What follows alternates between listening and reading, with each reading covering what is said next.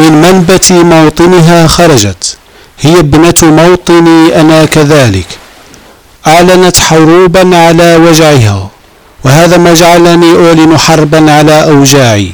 اقتنيت كتابها بالصدفة من معرض الكتاب الدولي.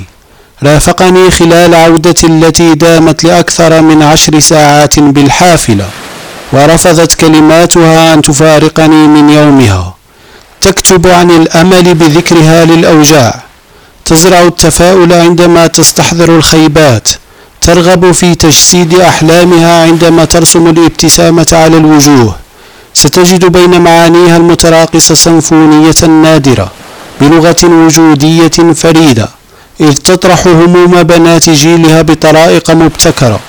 لا لتسمعك صوت الأنين بل لتعرفك على مناطق لن تدخلها وحدك. إنها أسماء.